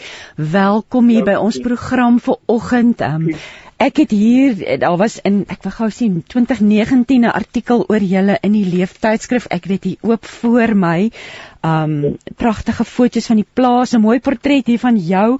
Um Bellview, 'n mooi uitsig. Dirkie wynboerderys in jou bloed. Wil jy nie vir ons 'n bietjie vertel oor die geskiedenis van Bellview nie asseblief? Yes, uh Christine, ek doen dit graag. Uh ek wil net vir jou sê, um dit is reën lieflik vanoggend hier op Bellview. Ag, prys die Here daarvoor. uh so is vinnig die die geskiedenis van van Bellview die die grond is vir die eerste keer aan 'n aan 'n boer toegeken deur Willem Adrian van der Stel in 'n sekere Groenewald in 1701. En interessant, die plaas het die naam gehad Oudenmond en Oudenbeck en hy sê verskillende stories waar die name vandaan kom. Die een storie is wat waarskynlik nie meer korrekte een is, is dat uh, dit kom van 'n Franse landmeter wanneer wat die grond opgemeet het en hy het uh, hy het dit genoem Houlamour wat blykbaar in Franse kopie of 'n heuwel is en toe dit nou in die Hollandse volksmond verander na Houdin Mond en Houdin Bek. Maar die ander uh, meer interessante storie sê dat Groenewald het hierdie plaas gekry by Willem Adrian van der Stel wat maar 'n paar geramtes in sy kasse gehad het. en uh toe die nou klaar die, besigheid het binne te gee die stuk grond vir Groenewald om te sê vir hom Houdin Mond. so uh, so, so bietjie bietjie 'n bribing soos die Engelsman sê. Ja, ja. En ons die eerste mork eerste morkos het hier gekom uh, in uh 1861. Ja. En nou ja, die plaas se naam was toe reeds Belwe wat soos jy reg gesê het mooi uitsig het. Die die, die naam is verander van Mouden Monthouden Beck na Belwe in 1851. So 10 jaar later was die eerste morkos hierso ek gesien vyfde geslag morkel. En uh, omdat jy so vinnig gewys na my wingerd wyn agtergrond. Ek groot geword my pa het begin boer in 1966 en op skool.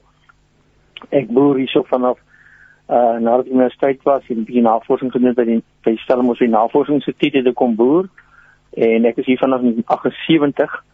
So dit is so behoorlik dat uh dat die dat die wyn of die pinotage moet ons baie bekend is, die pinotage in my bloed is en die veral dan nou die wingerdbou ek weet nou nie of die storie in daai artikel vertel het nie, maar ek het eendag so deur die wingerd geloop en my stop as ek nou herhaal. Nee, maar jy kan uh, maar vertel. Ek het 'n uh, ek het 'n uh, uh, plaasbestuurder gehad, 'n breinplaasbestuurder en ons was baie na mekaar. Stap ek deur die wingerd na hom toe, toe sê hy vir my toe ek by hom kom nee, ek wil gou vir meneer iets vra wat nou nie met die werk te doen het. Ek sê wat is dit, Jan? Hy sê ek wil vir meneer vra is meneer lief vir die wingerdstokke? Hmm. En dit is my vreeslike vriende vraag. Ek sê ja, ek het nog nooit so daaraan gedink nie. Dis 'n vriende vraag. Maar nou laat nou laat jy my vra ja, ek is ek is ek is baie lief vir hulle. Maar hoekom vra jy? Jy sê meneer, ek het al baie gesien as meneer vir deur die wingerd loop, dan vat meneer in die stokke se lote en blare soos 'n pa aan sy kinders vat. Ja. En dit is my so mooi. Ek sê vir Jan, ek het ek het 'n bietjie nagrasideer ook en so aan dan. Maar hierdie toekenning, hierdie woorde is is die beste uh toekenning wat ek nog in my lewe gekry het. Iemand dit kan kan sien. Ja, soms iets persoonlik. En nee, dit is wel weer die lang geskiedenis met Pinotage ook uh onder die eerste kommersiële Pinotage uh, saam met 'n onkop op Bellevue in, in 1953 geplant is en ons maak nou wyn uit daai blok. Hy staan nog steeds daar ek is nou al een op die plaas wat ouer is as daai blok. en so ek ken net so my bloed ek het net iets Chinese wat hier wyn gekoop en vra ook so ek sê ja ek ry altyd 'n bottel pinotage in my bakkie onder die sitplek. Nou nou wat is dit hier ek Hulle dan toe hulle sê toe maar dis seker if you if you want to go to eat in a restaurant so dis ek nee dit is nou as dan 'n ongeluk mag gebeur dan is daar Daar is 'n bloedsmooi wat hulle kan insit onder my siek.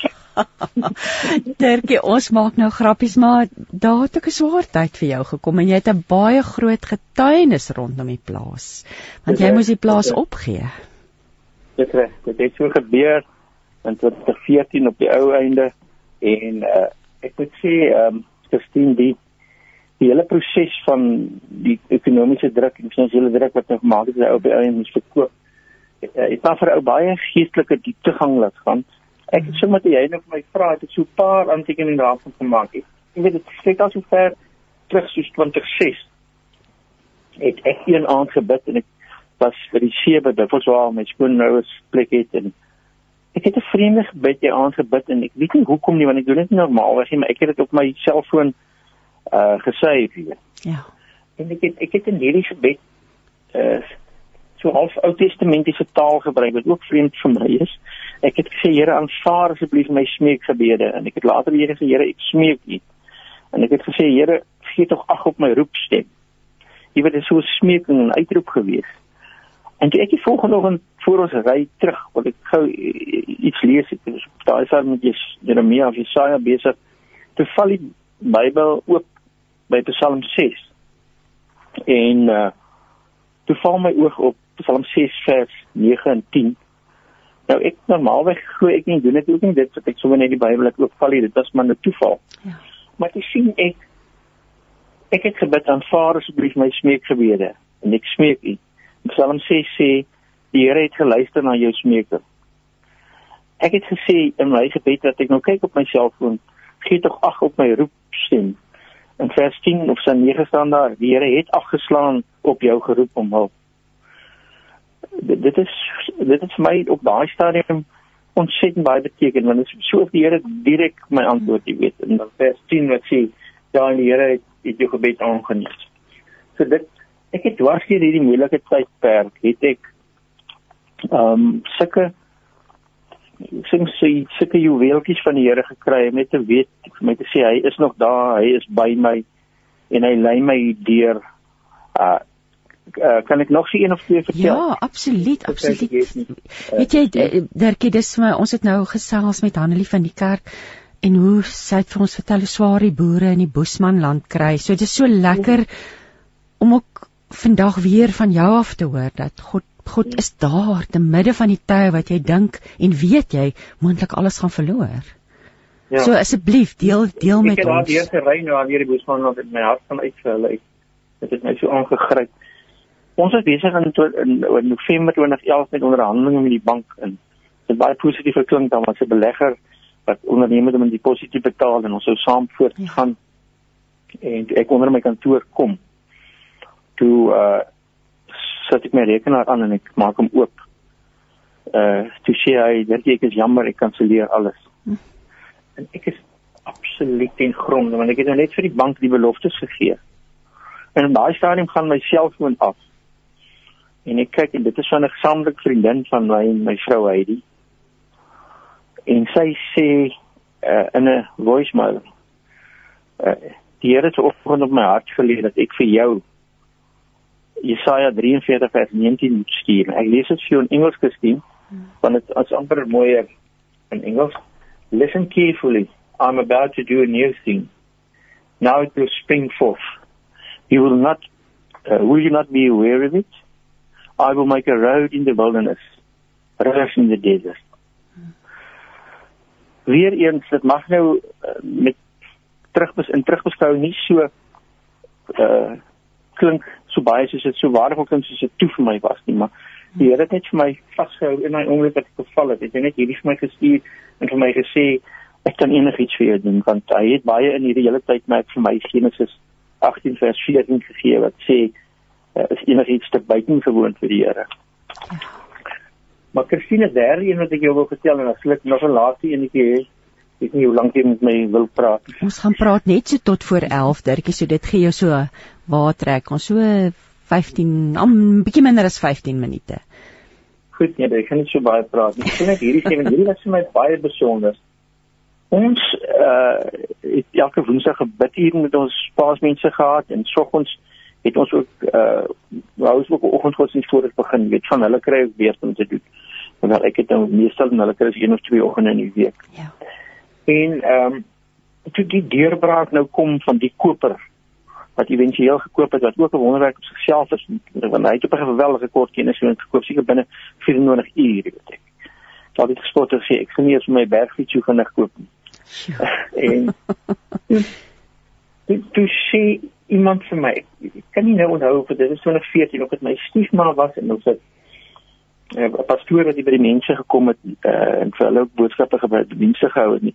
Wat gesê het hulle het 'n bietjie hoen of 'n droom gehad wat sê die Here gaan vir ons uitkom stuur en gaan ons almal by die pad staan. En uh, en daar uh dat dit jy hou en vir die Here dankie sê by die by die hoofhek van die pad in die teerpad En toe die Here nou kom met hy het my paar maal gesê maar ons moet dit nog doen. Ek sê ja, ons moet wag tot pastyd verby is want dit het in einde Februarie gebeur. Net toe pas ek net verby is, is hier so al na middel Mei. Sê sy vir my die maandagooggend ditjie ons moet dit hierdie week doen. Kom ons doen dit op woensdagoggend. Dan reël ons die bid hier nie by die huise of by die saaltjie waar dit normaalweg nie, maar ons gaan boot in die pad bid. Ek sê nie maar goed, ons doen dit so. En Christine, ek ek droom elke nag met droom baie, maar ek kan nie eintlik my drome onthou nie. Ek onthou kort en kort rukkie, maar nie lank nie. Ja. En ek onthou nie syfers eintlik of kom ons sê net maar teksverse of sulke goed nie. Maar ek word daai nag wakker en ek het helder voor my gees oog gesien Deuteronomium 11 vers 7. Nou ek lees bitter min in my lewe en die ooit uit Deuteronomium. En ek dink ek moet nou neerskryf maar ek is te vaak en ek raak in slaap. En ek word die oggend wakker en ek maar wat het ek gelees? Wat wat 'n vers het hoofstuk in boek het sê ek gesien en ek en ek sien dit weer. Noem 11 vers hier, ek onthou dit liewes weer. Ja. En ek skryf dit neer. Ek gaan lees dit vinnig. En daar staan met julle eie oë het julle al hierdie groot dade gesien wat die Here gedoen het, maar dit maak vir my geen sin. Ek kan iets maar later daaroor dink en so aan. So gaan die Dinsdag verby en die Woensdag sê ek van dan goed, ons gaan op ons gaan nou boos by die bo by die pad uit die plaasmense stap sommer op. Ek is sy ry met die bakkie.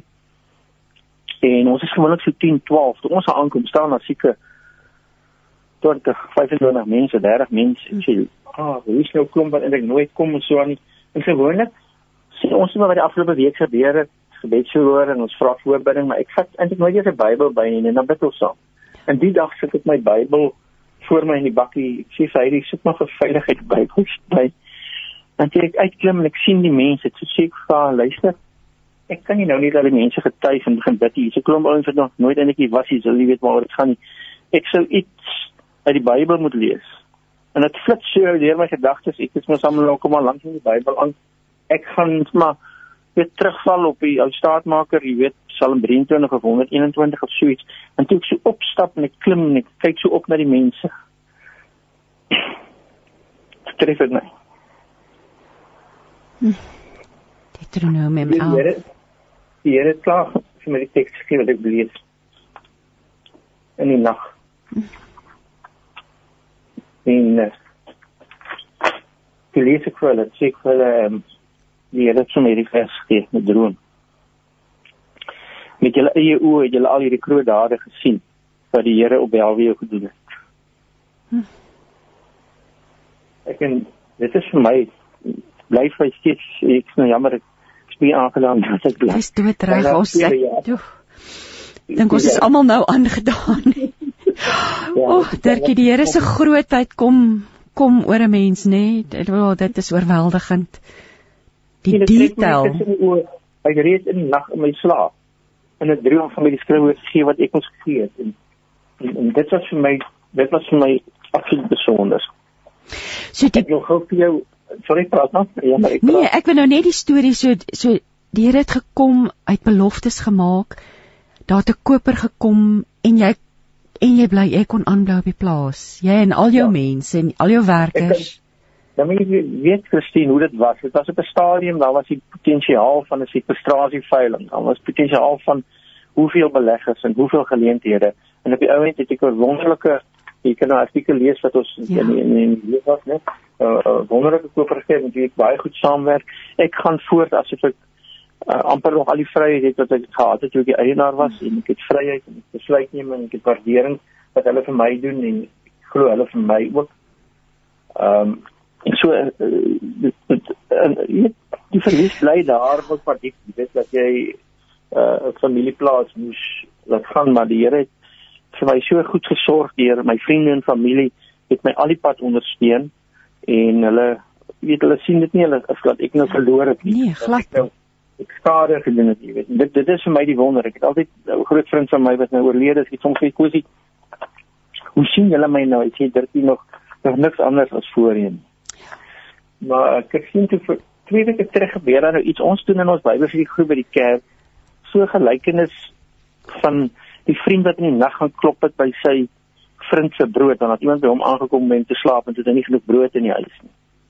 Gelykenis wat die Here Jesus vertel het, maar dan sien hy op 'n stadium ehm uh, gee hy die uh hy sal opstaan nie omdat hy sy vriend is nie, maar omdat hy aanhou vra.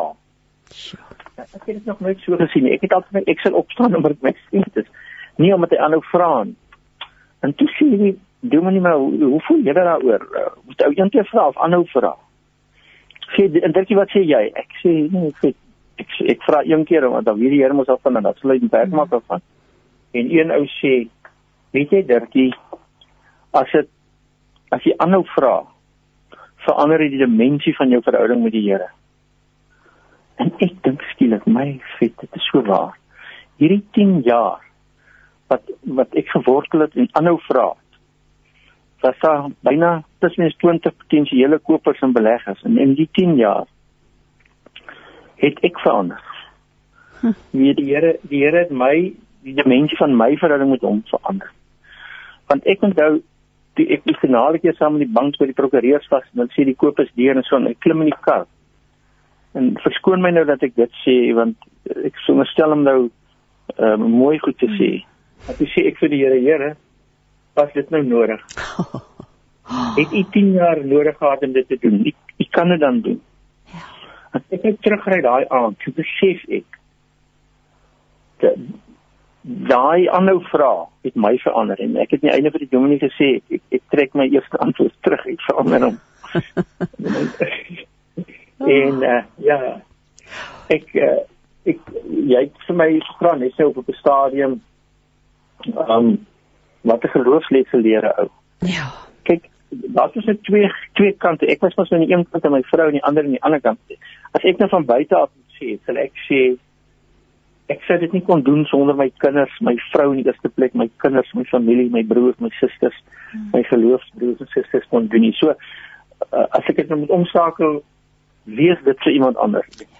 Uh, daar was baie mense wat my gedra het, wat ek nie sou kon doen nie. So uh, ek sou sê as my self nou af as iemand sien in nood gaan, dan moenie met raad gaan, ons gaan wees net daar.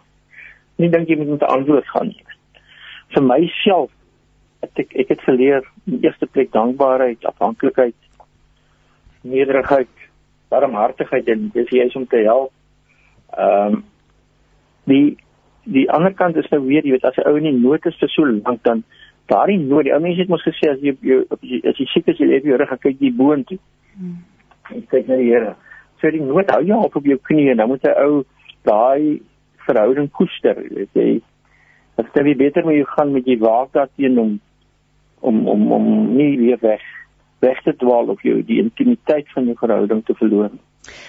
Hier's nou 'n hier's 'n boodskap vir jou van Sandra. Sy sê, "Jo, jo, ek is in trane van die begin af wat u met hierdie gas wat nou by lig is gepraat het. Baie baie dankie vir die getuienis," sê Sandra vir jou Dirkie. Ek hoor van die Sandra wat jy met gewerk het. Sy is nou in Johannesburg en ons Dit is dalk, dit is dalk moontlik. Weet jy Dirkie, ek wil ek wil hierdie stukkie want ons het nou gesels met met Hanleen en dit is swaar om te hoor dat die mense in die Boesmanland nog so swaar kry. Maar jy sê hierso, ek het besef dat God in al hierdie moeilike tye nie afwesig was nie. Ek self is van alles gestroop. Niks het ek gehad het het oorgebly nie, nie my planne of my kundigheid, niks wat ek as mens kon bied nie, net God. En dit voel ja. vir my die kern van van van van van jou getuienis is dat dat God daar was die ja. hele tyd nê. Nee ja, jou bekwaamheid en jy ek sien jou kundigheid jou uh, wat jy ook al geleer het of of ervaring wat jy opgedoen het op die oomblik. Dis Sandra van Stilbaai. Sy sê sy is Sandra van Stilbaai wat wat hierdie boodskap vir ons stuur. Dirkie, ek wil nou vir jou 'n ander ding vra want ons is nou ons is nou ook ons weet hoe swaar ons het nie vreeslik baie tyd oor nie, maar ek wil by jou hoor die bynbedryf het net so swaar gekry tydens hierdie pandemie. Ons weet almal van wat gebeur het verlede jaar en Wat my daar's ook mooi stories wat uitgekom het in in hierdie tyd op julle plaas. Okay, ehm um, Christine wat kom uh, die die die die teen die, die teen deel uh, kan daarvan is nou ook dat ek sou nie hierdie oorleef het op my eie nie. Ja. Met ander woorde, dit is ook genade gewees. Jy, jy weet ek was mos maar op dun ys en uh hierdie enorme terugslag van die bedryf ervaar ook ehm um, ook tot sien kon uitvoer nie. Uh gelukkig uh ons kon staande bly omdat ons nog die, die mense op die plaas het en ek is hier so en ons is toegewy en kundig en en hierdie mense wat van buite af kom het vir ons vertroue gegee en hulle hulle kon ons uh jy weet finansiëel. Kon kon hulle staan en die terugslag baie beter hanteer as wat ek sou kon. Ek sou nie kon. Maar dit ons kom nou stadig weer op die voete. Die nuwe eienaar het 'n uh, restaurant gebou, bygesit en 'n protokol en ons kry voete wat deurkom so.